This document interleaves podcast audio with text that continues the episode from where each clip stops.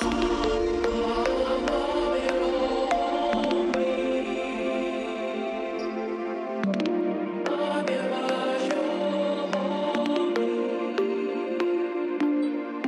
sahabat Midway, Namo Buddhaya. Namo Buddhaya. Ya, hari ini kita bertemu lagi di Midway Podcast bersama kami para admin dari Midway Buddhis. Ya, di sini kami ingin membahas mengenai dua hal yang menurut saya sih bertolak belakang dalam dhamma yang kita pelajari, yaitu sada dan ehipasiko. Sada artinya keyakinan terhadap tiratana, Buddha, Dhamma, dan Sangha. Dan ehipasiko adalah kita sebagai umat Buddha itu harus membuktikan terhadap suatu fenomena dalam hal ini adalah Dhamma, kita harus buktikan dulu sehingga kita bisa meyakini bahwa ini memang jalan yang benar gitu loh. Nah, apakah ini bertolak belakang? Kalau menurut saya sih bertolak belakang. Ya, sebenarnya kan sada tadi sudah dijelaskan. Sada itu adalah keyakinan. Ya, berarti kita mempercayai suatu hal gitu ya. Yaitu dalam hal ini kita harus mempercayai Buddha, Dhamma, dan Sangha gitu. Sedangkan ehipasiko, ehipasiko itu kan arti harafiahnya datang dan buktikan, gitu kan. Nah, berarti kita harus benar-benar menyelami, melakukan riset, Mm -mm. melakukan pembuktian terhadap uh, suatu hal. Nah, itu kalau dilihat secara sekilas memang terlihat bertolak belakang. Tapi menurut saya itu sangat sains.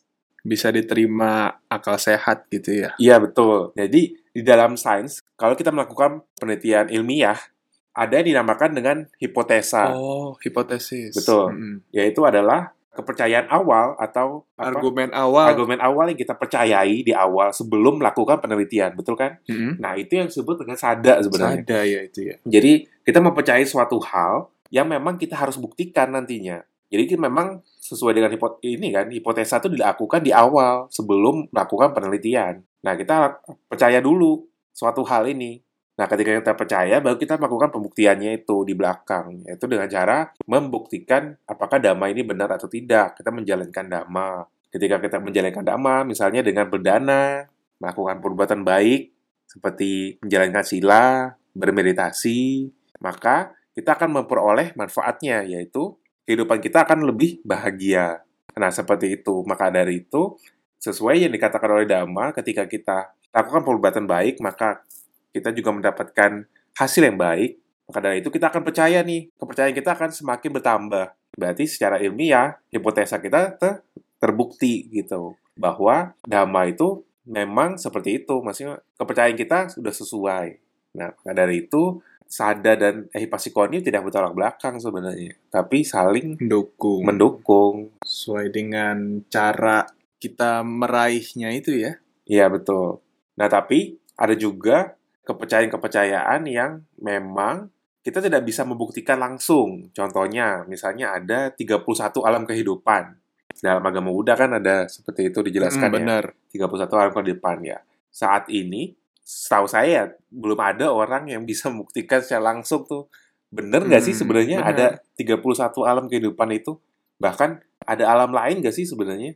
Yang kita ketahui kan yang benar-benar kita bisa lihat yaitu alam manusia sama Ah. alam binatang. Ya, itu Hmm. udah jelas tuh. Tapi alam yang lain seperti alam neraka misalnya atau alam, surga, Peta, alam peta, Brahma. ya apalagi alam Brahma gitu yang yang dikatakan aja nggak bisa terlihat gitu Iya. apalagi kita bisa buktikan.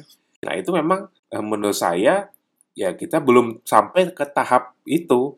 Kalau memang kita ingin membuktikan hal itu, ya kita menjalankan cara-caranya. Memang ada dikasih tahu juga tuh dalam Dhamma, ketika kita ingin misalnya melihat alam-alam lain, berarti kita melatih kesadaran Meditasi. kita, betul. Dengan cara meditasi. Capai jana berapa, lalu kita bisa kalau saya pernah baca itu. Iya, betul. Jadi ketika kita mencapai suatu pencerahan itu dalam kata tanda kutip ya, kita bisa memperoleh atau kita bisa membuktikan kepercayaan kita itu Mm-mm. gitu. Jadi memang beberapa hal dalam dhamma itu kita saat ini belum bisa membuktikannya. Tetapi dengan melatih atau benar-benar mengembangkan dhamma ini seharusnya kembali lagi hipotesanya ya Mm. secara hipotesa kalau kita kembali ke jalan ilmiah ya ya kita bisa benar-benar melihat itu. Tapi kalau ada beberapa orang itu kan bilang, wah saya indigo, saya bisa melihat penampakan, bisa melihat makhluk halus. Apakah omongan dari mereka-mereka ini dapat kita percaya bahwa memang ada gitu loh makhluk-makhluk peta, makhluk-makhluk hantu. Bisa jadi iya, bisa jadi tidak, Hmm. ya kan? Tapi dalam ehipasiko sebenarnya artinya adalah kita sendiri Nah, yang membuk- iya. datang dan membuktikan, bukan mempercayai orang lain kan. Mm-mm. Nah, jadi ya boleh aja kita mempercayai orang lain yang cerita seperti itu karena kita misalnya kenal atau dia benar-benar bisa ada buktinya yang konkret Hmm. gitu ya, ada fakta-fakta yang disampaikan. Bisa saja kita percaya tapi bukan kita sendiri yang membuktikan. Sama dengan halnya misalnya ada orang menemukan rumus gaya gitu ya, gaya gravitasi. Hmm. Ya kita bisa percaya orang itu, tapi kita juga bisa membuktikan sendiri kan? Langsung praktek ya. Betul, kalau kita, langsung praktek. Kita misalnya angkat benda, itu kita lepaskan dari ketinggian, maka dia bendanya jatuh. Hmm. Nah, itu berarti terbukti bahwa ada gaya gravitasi. Nah, maka dari itu, kita udah percaya nih bahwa gaya, gravitasi benar adanya. Nah, Hmm. gitu. Nah, jadi dengan percobaan ilmiah itu, kita bisa membuktikan kan, hukumnya benar. Sama dengan halnya dhamma. Ketika kita dengar ada orang-orang yang membuktikan, nah kita harus mencoba membuktikan sendiri. Ya dengan cara seperti itu tadi, berlatih, menjalankan dhamma. Kalau memang hipotesa kita yaitu yakin terhadap Buddha Dhamma. Seperti itu. Berarti kasusnya sama dengan punabawa ya atau kelahiran kembali yang sebenarnya kita secara hidup sebagai manusia kan itu tidak mempunyai kemampuan untuk melihat masa lalu kita. Kebanyakannya orang ya. Iya, iya betul. Nah, berarti juga kasusnya sama seperti tadi dong ya. Jadi Betul. kita harus melatih terlebih dahulu kalau misalnya mau membuktikannya secara langsung sehingga kita bisa memang benar-benar yakin bahwa punabawa itu ada Ya, yang jadi, dikatakan Sang Buddha ini memang ada gitu loh. jadi dalam Dhamma kan dikenal tuh ada istilah Buddha Bawa tadi yaitu Mhm. kehidupan setelah kematian. Atau kehidupan kita sebelumnya juga kan. Betul. Hmm. Jadi ketika kita sudah meninggal, maka dikatakan kita akan terlahir kembali. Begitu juga dengan kehidupan sebelumnya kita itu adalah Hasil, hasil kelahiran kembali dari kehidupan sebelumnya. Hmm. Jadi kehidupannya akan terus berlanjut seperti itu. Nah, itu juga dibuktikan dengan ya tadi balik lagi ke meditasi. Tapi sebenarnya pembuktian ini bukan untuk mencari asal muasal kehidupan itu, ya kan? Jadi iya.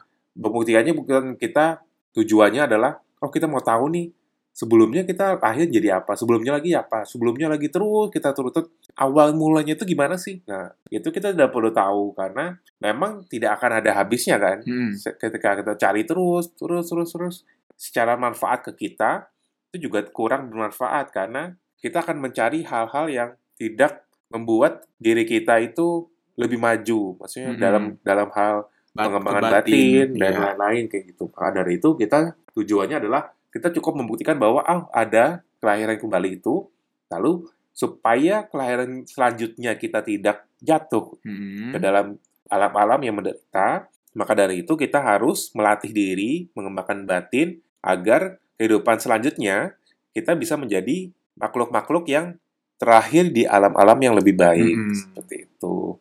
Sebenarnya banyak hal dalam agama Buddha juga perlu adanya pembuktian lebih lanjut sih dan kita memang saat ini agak sulit untuk membuktikannya. Tapi apakah cukup kuat kayak dari kan ada banyak cerita dari dalam suta itu mengatakan bahwa seorang biku ini melihat makhluk peta. Kan bisa dibilang biku kan tidak boleh berbohong lagi bahkan sudah mencapai arahat. Jadi tidak ada lagi perbuatan buruk yang ada pada dirinya. Apakah juga kita bisa percaya gini loh? Supaya bisa jadi sebagai kita nih yang masih basic dasar lah belajar dhamma supaya jadi motivasi gitu loh bahwa memang ada loh yang kayak gini. Jadi agama Buddha tuh bisa dipercaya bisa diyakini gitu loh. Ya balik lagi, sada tuh wajib loh dalam agama Buddha. Keyakinan itu harus. Kalau nggak ada keyakinan, bagaimana kita menjalankan menjalankan dhamma gitu tanpa ada Hmm. keyakinan ya kita jadi ragu-ragu kan jadinya. Benar. Musuhnya keyakinan adalah ragu-ragu. Ngapain kita menjalankan dhamma kok hasilnya kan belum tentu seperti itu. Jadi sada itu wajib. Sama dengan penelitian kan. Hipotesa itu wajib. Iya. Jadi kalau tanpa hipotesa gimana mau meneliti gitu kan? Kita Hmm. nggak ada hal yang dibuktikan. Keyakinan itu wajib. Jadi ketika kita mempunyai keyakinan, Maka dari itu kita harus membuktikannya. Sama seperti tadi halnya, ketika kita membaca buku, loh, maka akan muncul keyakinan nih, oh berarti kehidupan kita ini bisa lebih baik dengan cara mempraktikkan dhamma gitu kan. Wow. Maka dari itu, kita harus membuktikannya dengan menjalankan dhamma secara benar. Seperti itu.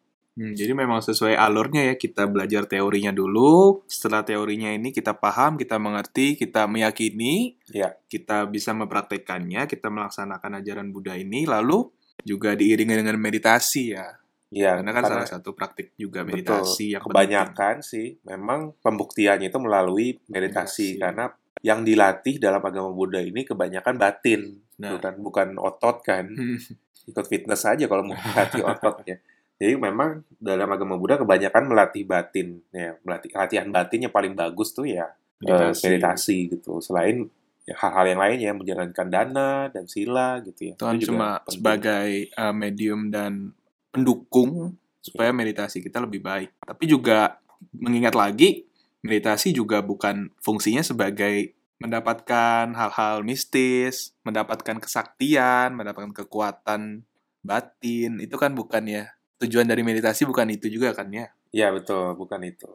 Nah, balik lagi sadanya kita, eh, keyakinannya kita adalah hidup kita bisa lebih baik lagi jika kita mencari-cari hal yang membuat diri kita tuh menambah keserakahan, menambah kebencian, atau membuat kita menjadi egois, ya, menjadi lupa diri.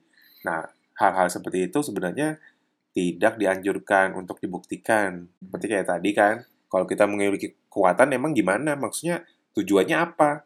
Apakah mau dipamer? Berarti kan itu menambah keserakahan, betul kan? Apakah mau menjahati orang? Nah, itu berarti kebencian Hmm. gitu kan.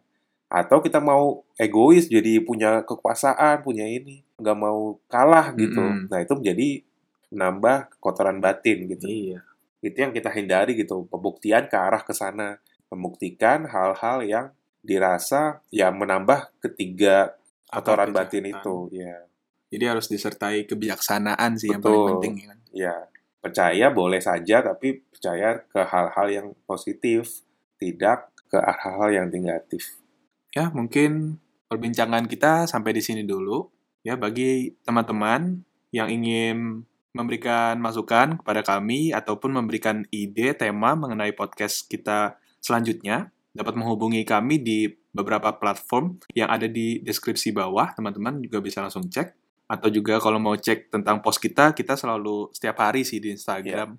Ya, bisa aja langsung follow, like, comment, share, dan kalau di YouTube bisa subscribe supaya Dhamma yang mulia ini dapat berkembang dan maju melalui media sosial. Ya, kita tutup dengan salam bahagia selalu dan namo buddhaya. namo budaya